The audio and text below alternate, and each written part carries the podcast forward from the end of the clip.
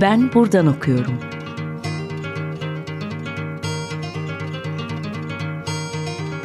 Edebiyat ve başka şeyler.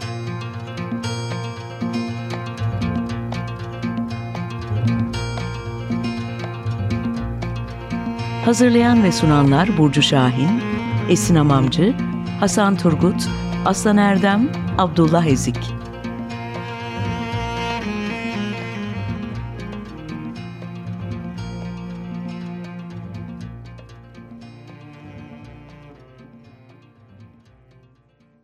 Merhaba, 95.0 Açık Radyo'da Ben Buradan Okuyorum başladı. Ben Aslan Erdem. Bugün e, monografi yayınlarını konuşmak için yayın evi editörü Esra Kökkılıcı ağırlıyoruz. Esra hoş geldiniz. Merhaba, hoş bulduk. E, yayın evinin bendeki ilk izlenimini belki anlatarak başlamalıyım. Çünkü e, küçük yayın evi demekte bir, bir his yok herhalde değil mi? Küçük yayın evi diyebiliriz monografi için. Evet, evet. Tamamdır. E, çünkü şey hani böyle e, ana akımda çok görünmeyen reklamlara çok dolaşmayan bir evi ama ilk dikkat bende şeyle oldu. Bu Alevi Bektaş çalışmalarına böyle çok acemice kıyısından köşesinden bakmaya çalışan biri olarak ilk defa Velikov'un Uyuradik Uyardılar kitabını görerek başladım. Hemen yayın evinin hem sitesini hem sosyal medya hesaplarını karıştırınca bambaşka kitaplar da olduğunu gördüm. Çok kıymetli çalışmalar var. Ve e, hem kendim biraz tanımak hem de biraz e, radyoda belki ufacık da olsa bir tanıtmak için sizi ağırlamak istedim. Hoş geldiniz tekrar. Hoş bulduk. Çok teşekkür ederim. Ee, şöyle küçük bir yerden başlamak istiyorum. Aslında bir yayın dünyasını da ilgilendiren bir soru belki bu. Yayın dünyasının son birkaç yıldaki hali malum kötüye gidiyor. Ana akımdaki çok büyük yayın evleri bile çok zorlandıklarını beyan eden arada işte tweetler ya da sosyal medya paylaşımları yapıyorlar. Böyle bir tablonun içinde monografi yayınları nasıl kuruldu? Açıkçası bunu merak ediyorum. Buradan başlayalım isterseniz. Elbette. E, monografi yayınları e, 2020 yılında bir sahaf ve kitapçı olan Kemal Düz'ün e, girişimiyle oğlu İlhan Düz tarafından kurulan bir yayın evi. Benim yayın evine katılmam 2021'in Haziran ayına denk düşüyor. O bir senelik süreçte e, çoğunlukla Melikov üzerine ağırlık vererekten bir takım çalışmalar yapmış. Uyur, uyar, uyur idik, uyardılar ve Hacı Bektaş Veli'yi çevirilere vermiş e, İlhan.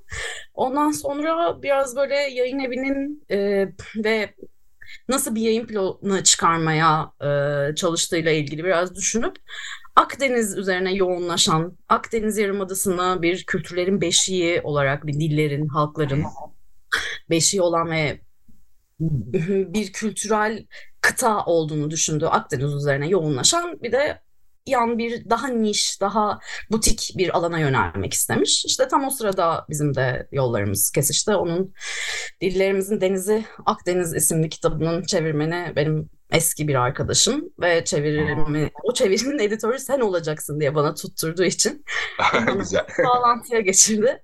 evet öyle oldu. Ee, o zaman böyle dışarıdan destek veriyordum. Çünkü full time başka bir yerde çalışıyordum. Fakat hayat ve e, olaylar pek de bizim planladığımız gibi gitmeyince işte e, bir anda o full time çalıştığım yayın evinden e, işimi çok iyi yaptığım için işten çıkarıldım. Sonra dedim, dedim ki İlhan ben müsaitim, elim boş. Bunun üzerine İlhan'la birlikte tamamen çalışmaya başladığım, e, yayın planına da katkılar sunduğum, e, biraz editörlüğün haricinde yayın koordinasyonu da yaptığım, işte çevirmenlerle ve dışarıdan çalıştığımız editörlerle bir araya geldiğimiz bir yayın evine dönüştük. E, şöyle Yayın evinde zaten üç kişiyiz. İlhan var. Yayın evinin sahibi ve yayın programını en çok belirleyen. Kendisi Fransa'da yaşıyor. Özellikle Fransa gündemini, Fransa'da neler çıkıyor, ediyor falan bunları e, takip edip yayın planına bunları sunuyor. İşte ben varım editör ve koordinatör olarak. Bir de son okumacımız var Merve. Merve Akıncı Almaz. E, her şekilde gözüm kapalı, her türlü arkamızı toplayacağına inandığım canım arkadaşım. Yani üçümüzden oluşan e, ve dediğim gibi Akdeniz, Melikov haricinde Akdeniz'i tamamen merkezine alan ama e, bu, bu alanda sosyal bilimler kitapları la devam edecek olan sosyolojiden antropolojiye, filolojiye, siyaset bilimine, tarihe, beşeri bilimlerin her alanında kitaplar basmayı hedeflediğimiz ve bunun için bir yayın programı yaptığımız bir yayın evi. Fakat tam da dediğiniz gibi ana akım yayın evlerinin bile çok zorlu süreçlerden geçtiği bu dönemde e, net yani hangi kitapları basacağımızı biliyoruz ama ne zaman basacağımızı maalesef biz öngöremiyoruz. Gittikçe artan kağıt maliyetleri, matbaa maliyetleri, her şeyin euro kurlar üzerinden olması.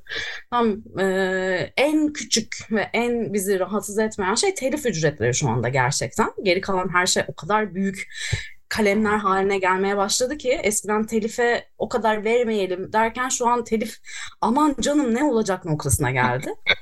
Yani o yüzden planımız var. Onlardan da bahsederim neler basacağım. Tabii, tabii. Kof'un bütün külliyatını basacağız. Ama ne zaman basacağız, nasıl şey yapacağız bilmiyoruz. Ama ayakta kalacağımıza inandığım. Yani çünkü niş bir alanda olduğumuz için bir okur kitlesi oluşturmuş durumdayız şimdiden. Ve bu bizi çok mutlu ediyor. Buradan ayakta kalacağımıza inanıyorum. Ama süreç her yayın evi gibi biz de bakacağız diyebiliyorum. tamam bu şeyi e, takvimi biraz sona doğru sakladım. Onu tekrar soracağım. E, açıkçası merak ediyorum neler gelecek ileride ama biraz şimdiye kadar çıkan e, kitaplara bakalım istiyorum. Çünkü hakikaten bu Akdeniz uygarlığı, Akdeniz kültür haritası dedik. E, oradan birkaç e, metin var halihazırda. Melikof'u okudum. Yeni Melikof'u okumadım ama Hacı Bektaş henüz çıkmadı zaten sanıyorum. Fakat bu imparatorluklar ha çıktı. Tamam. Onu da yakında hemen edilip okumam lazım. İmparatorluklar ve mutfaklar enteresan bir tartışma çıkarıyor. Yayın evinin üçüncü kitabı.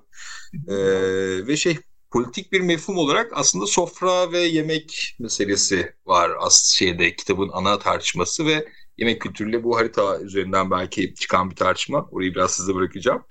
Ee, bu giriş bölümü ve birkaç bölüm okuduktan sonra aklıma bizim derslerde gösterdiğimiz bir belgesel e, var. O geldi ismini doğru mu okuyorum bilmiyorum ama bir Balkan e, yönetmen Adela Piva 2003'te bir belgesel yapıyor. Belgeselin açılış sahnesi çok şeydir, hoştur. İşte bir meyhane derler, işte bir Rum, e, bir Yunan, e, bir Türk, bir Arnavut, bir Makedon ve tamamen Balkan halklarının çocukları bir meyhane. İşte bir yandan sohbet ediliyor, bir yandan bir şeyler içiliyor. Tam bir simpozyum havası. Bir anda e, bir şarkı çalmaya başlıyor. Şarkı klasik Üsküdar'a giderken ve şey tartışması başlıyor. Bu şarkı kimin? Herkes şarkının kendi halkına ait olduğunu söylüyor.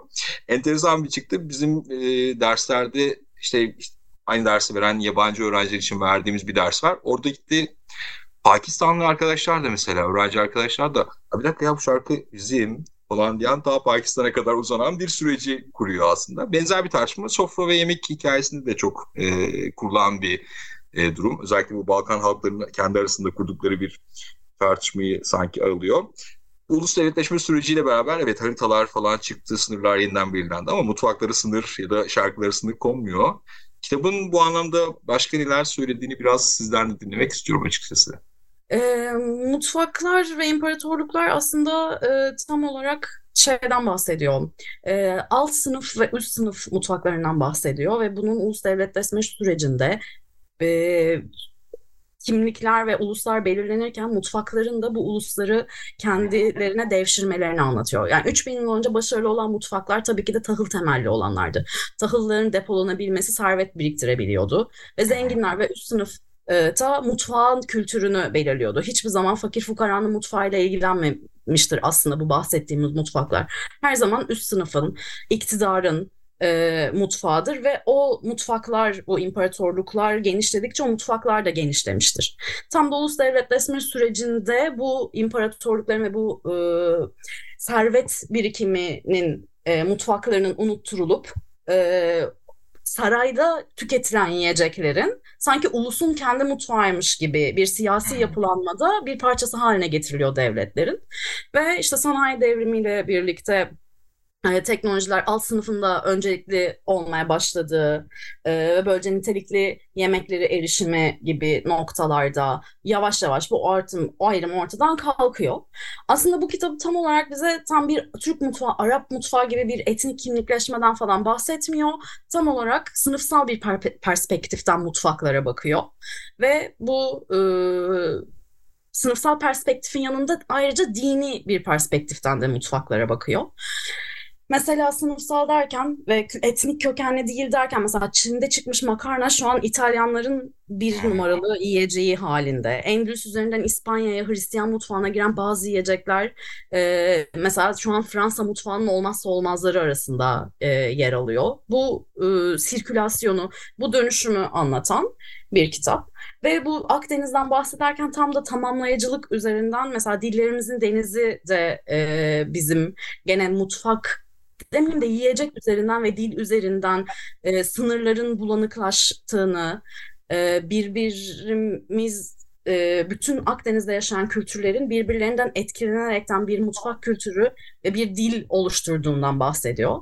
Mesela gene e, örnek zeytinyağı. Bütün bu Akdeniz coğrafyasındaki dillerde zeytin ve zeytinyağı kelimesi aynı kökenden geliyor. Ve keza yemeklerde de öyle. Mesela rakı. Yani Türklerin rakı dediği, e, Yunanlıların uzo dediği e, ve e, neredeydi onu da hatırlayayım. Gene Lübnan'da galiba e, başka bir isimle, benzer bir isimle e, şey yapılan rakı yani ana sonlu içecek. Bütün bu kültürlerde ortak mutfağın bir parçası. Böylece tam da yayın evimizin ım, yayın şeyini belirleyen Akdeniz'in merkezinde olan kitaplar bunlar. Ayrıca buradan da devam edip gene hep hemen Akdeniz'e e, devam e, edeceğimiz kitaplarımız da gelecek. Hı hı. Anlıyorum. Ya şey gibi aslında bir harita çıkarıyor gibiyiz bir yandan. Harita kısmını ikinci bölüme biraz bırakayım. Dilerseniz şöyle çok kısa bir şarkı arası verelim. Şimdi Melikov'tan bahsettik. Ee, kendisinin Ali Bektaşi çalışmalarıyla ilgili çok böyle belirleyici bir anı var. Feyzullah Çınar dinliyor.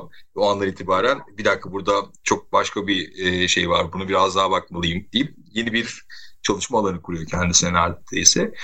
Ee, ya Feyzullah Çınar'ı konuştuk biz Esra'nın ama biraz belki saat için ağır olabilir diyerek onun bir yorumunu e, şimdi dinleyeceğiz. Kardeş Türküler'den. Şahı Merdan ilk albüm e, şey 2002 yılındaki dördüncü albümden. Dördüncü albümün ilk şarkısı Heoaz. E, şimdi dilerseniz onu dinleyelim. Sonrasında devam edeceğiz.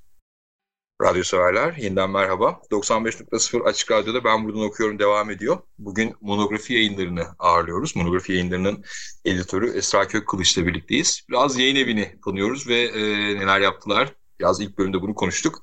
İkinci bölümün sonlarına doğru neler yapacaklar kısmını konuşacağız ama merak ettiğim birkaç bir şey daha var. Hemen onunla devam etmek istiyorum. E, bu iki kitap henüz okumadığım iki kitap. Ama şey ismi ikisinin de bir kartografya meselesi kuruyor gibi haritalar üzerinden gidiyorlar. Akdeniz dedik, haritalar dedik, yemekler, mutfaklar bunlardan bahsettik. Ee, biri meta coğrafyanın eleştirisi alt başlıklı kıtalar miti, diğeri ise Dillerimizin Denizi başlıklı bir diğer ikinci kitap. Bunun ikisi de Akdeniz havzası, o kültür haritası ile ilgili zannediyorum. Ee, biraz böyle coğrafya konuşuyormuşuz gibi bir izlenim var ama sadece coğrafyacıları ilgilendiren şeyler değil bunlar zannediyorum değil mi? Yok değil. Gerçekten sadece coğrafyacıları ilgilendiren şeyler olmamakla birlikte Akdeniz'i, Akdeniz kültürlerini, dili ve o coğrafyadaki kültürel geçişleri e, merak eden herkesin mutlulukla okuyabileceği ve çok şeyler öğrenebileceği kitaplar. Emre Dikici çevirisiyle Kıtalar Miti ve Damla Kellecioğlu çevirisiyle Dillerimizin Denizi. Biraz Kıtalar Miti'nden şu şekilde bahsedebilirim. E, coğrafyayı ve tarihi e, alanda akademik çalışmalar yapan iki yazarın ve ana meseleleri dünyayı bölümlendirirken, kıtalara, medeniyetlere, bölgelere isimler verirken bunun ka- bu kartografik tercihleri e, yansıtmıyoruz aslında sadece diye iddia ediyor yazarlarımız. Mekana, zamana, ideolojilere göre çeşitleniyor ve değişiyor bu e, kartografik haritalandırmalar.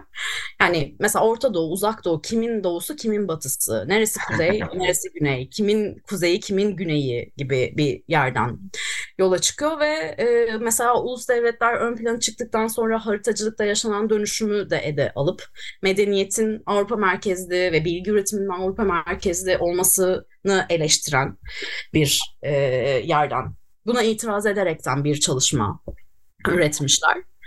E, bu tamamen dünya haritalandırılmasındaki e, neden mesela dünyayı haritasını açtığımızda bir düzleme getirdiğimizde e, neden en solda Amerika var sonra neden Atlas Okyanusu, sonra Avrupa geliyor. Yani bütün bu, yani niye başka bir yerinden almadık? Bütün bunların aslında bu hiçbir coğrafya ayrımı olmadığını, tamamen kültürel, politik bir söylem olduğunu ve bunu eleştiren bir e, kitap bu da, Kıtalar Miti.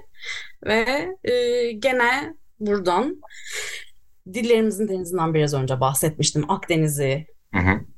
ve dille coğrafyayı bir araya getiren bir e, kitaptı ve gene yayın planımızda olan e, eski yakın doğu atlası gibi bir gene kartografik bir çalışmamız da olacak. Bir tarih atlası hazırlıyoruz şu anda. Hani bayağı e, eski yakın doğudaki mesela develerin nasıl evcilleştirildiği, e, dini ritüellerin nasıl gerçekleştiği, bununla ilgili bir arkeoloji atlası.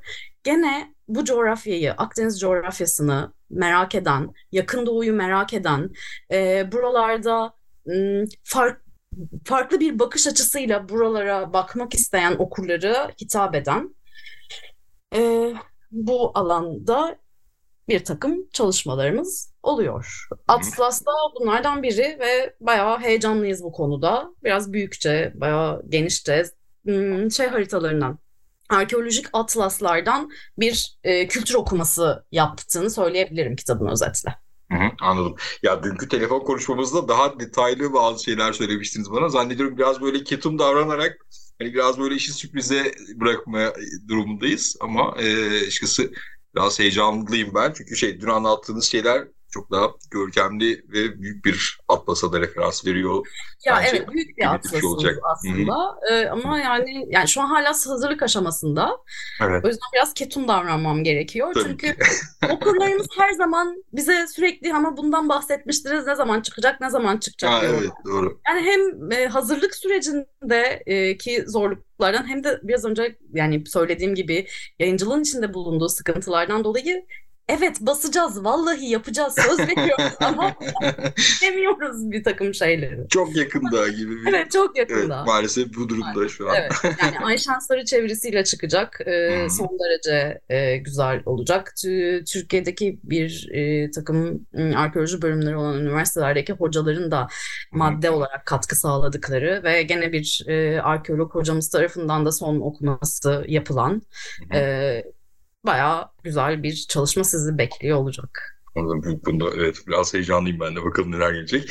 Ee, yani çok fazla zamanım kalmadı. 3 dakikalık bir sürem var ama Milkov'la başladık. Onunla da bitirelim istiyorum. Hem de biraz yayın evinin ilerleyen süreçte Atlas dışında başka neler var. Az önce bir konuşma arasında bütün külliyat geliyor gibi bir ifade geldi. Evet.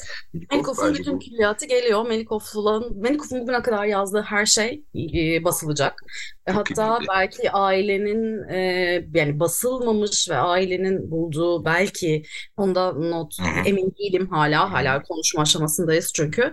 E, bir takım yayınlanmamış eserleri de söz konusu olabilirmiş ama bu tamamen dedikodu Anladım. halinde. Şey öyle bir netlik yok yani şimdiden söyleyeyim. E, e, danışmentname mesela Melikov'un en önemli eseridir, Evet. doktora tezidir. Onu hazırladık. E, transliterasyonu yapıldı. Melikov'un kendi Fransızca'ya çevirdiği danışmentnameyi Fransızca'ya çevirmiş Melikov. Kendi çevirisini biz gene Türkçe'ye çevirdik. Yani çevirinin çevirisinin çevirisini yaptık çünkü doğru olanın bu olduğunu düşündük. Böyle bir edisyon kritik gibi bir şey yapacağız danışmentnameyle. E, toplu ve büyük bir çalışma olacak. Gene Ayşen Sarı çevirisiyle e, Melikov'un çevirisi geliyor. E, Güray Gümüş bize şeylerini yaptı, translasyonumuzu yaptı. Danışmentname öyle, çok önemli. Hı hı. Onun haricinde Kırkların Cem'inde ve Destandan Masala da daha önce Türkçe'de yayınlanmış Melikov'ları da yeniden çeviriye verdik ve yeniden çevirterek geliyor. Ebu Müslim ve Umur Paşa da çalışmalarımız arasında. Ee, bu alanda devam ediyoruz. Aynı zamanda e, biraz önce bahsettim gene Akdeniz'le ilgili devam e, eden bir çalışmamız. E, Canadieux Voyage diye bir e, kitabımız var. Akdeniz coğrafyasındaki tanrılar üzerinden bu tanrıların bütün Akdeniz kültürlerindeki e, görünümleriyle kim hangi tanrı nereden çıkmış nereye evrilmiş, ne olmuşla ilgili anlatan bir kitabımız geliyor. Ee, bir de World of Patterns diye e, örüntüler e, dünyası isimli Gökçe Köse tarafından çevrilecek. E, Kane Devi Voyage'da da Fatma Danışmaz tarafından çevrilecek. Bir de e, pat, dünyadaki bütün her şeyin örüntülerden yola çıktığını e, iddia eden ve bu örüntüleri çözmeye çalışan ve bu örüntüleri arayan bir kitap. Bir de e, psikolojiye eğildiğimiz e, Boris Cyrulnik'in özellikle mukavemet ya da psikolojik esenlik diyebileceğimiz resilience hala Türkçe tam bir karşılığını bulamadı. E, bu terim üzerinden e, bu konuya dair Fransız ünlü bir psikiyatrın yazdığı iki tane kitabımız. Bir tanesi Şahane Bir Mutsuzluk, öbürü de Çirkin Ördek Yavruları diye yayın planımızda var. İkisinin de çevirisi geldi Hasan Can Utku tarafından çevrildi. İşte onların edisyon süreçleriyle birlikte yayına hazırlaması. İnşallah yani umut ediyorum ki 2023'te ilk bu kitaplarla geleceğiz. Ve sonrasında da Atlas olacak. Şimdilik böyle bir spoiler vereyim. Evet. Ama söz veremiyorum sevgili okurlarımız. Ben gerçekten söz merci biz değiliz. Ekonomik şartlar demek istiyorum. Evet tamam. Yani şu an şöyle bir durumdayız herhalde. Bir e, haritamız var. Harita üzerinden yürürsek yine. Ama e, bakacağız. Zaman içinde Evet. gelişecek bazı kitaplar gelecekler. E, sana çok teşekkürler. İyi ki geldiniz bugün. Ben teşekkür ediyorum bizi ağırladığınız ve zaman ayırdığınız için. Biraz da olsa yayın evimizi ve kendimizi tanıttık. İyi oldu bize de. E, bunun için memnunum açıkçası. Bu şey ben buradan okuyorum da açıkçası yapmak istediğim yani bu üçüncü sezonda e, başladı gibi ama bu yani şey çok özel işler yapan ama ana akımda da çok da belki e, saklanan diyeyim, görünmeyen demeyeyim e, bazı yayın her sezonda belki ufak ufak e, alan açmak bence kıymetli olur gibi düşünüyorum. Hem kendi merak ettiklerim hem de biraz ufak e, ana şeyde de sosyal medyada falan da çokça merak edilen bazı şeyler var. Bunları biraz konuştuk. E, radyo severler 95.0 Açık Radyo'da ben buradan okuyorum. Şu an bitiyor. Bugün e, monografi yayınlarını ağırladık. E, ilerleyen haftalarda görüşmek üzere. Hoşçakalın.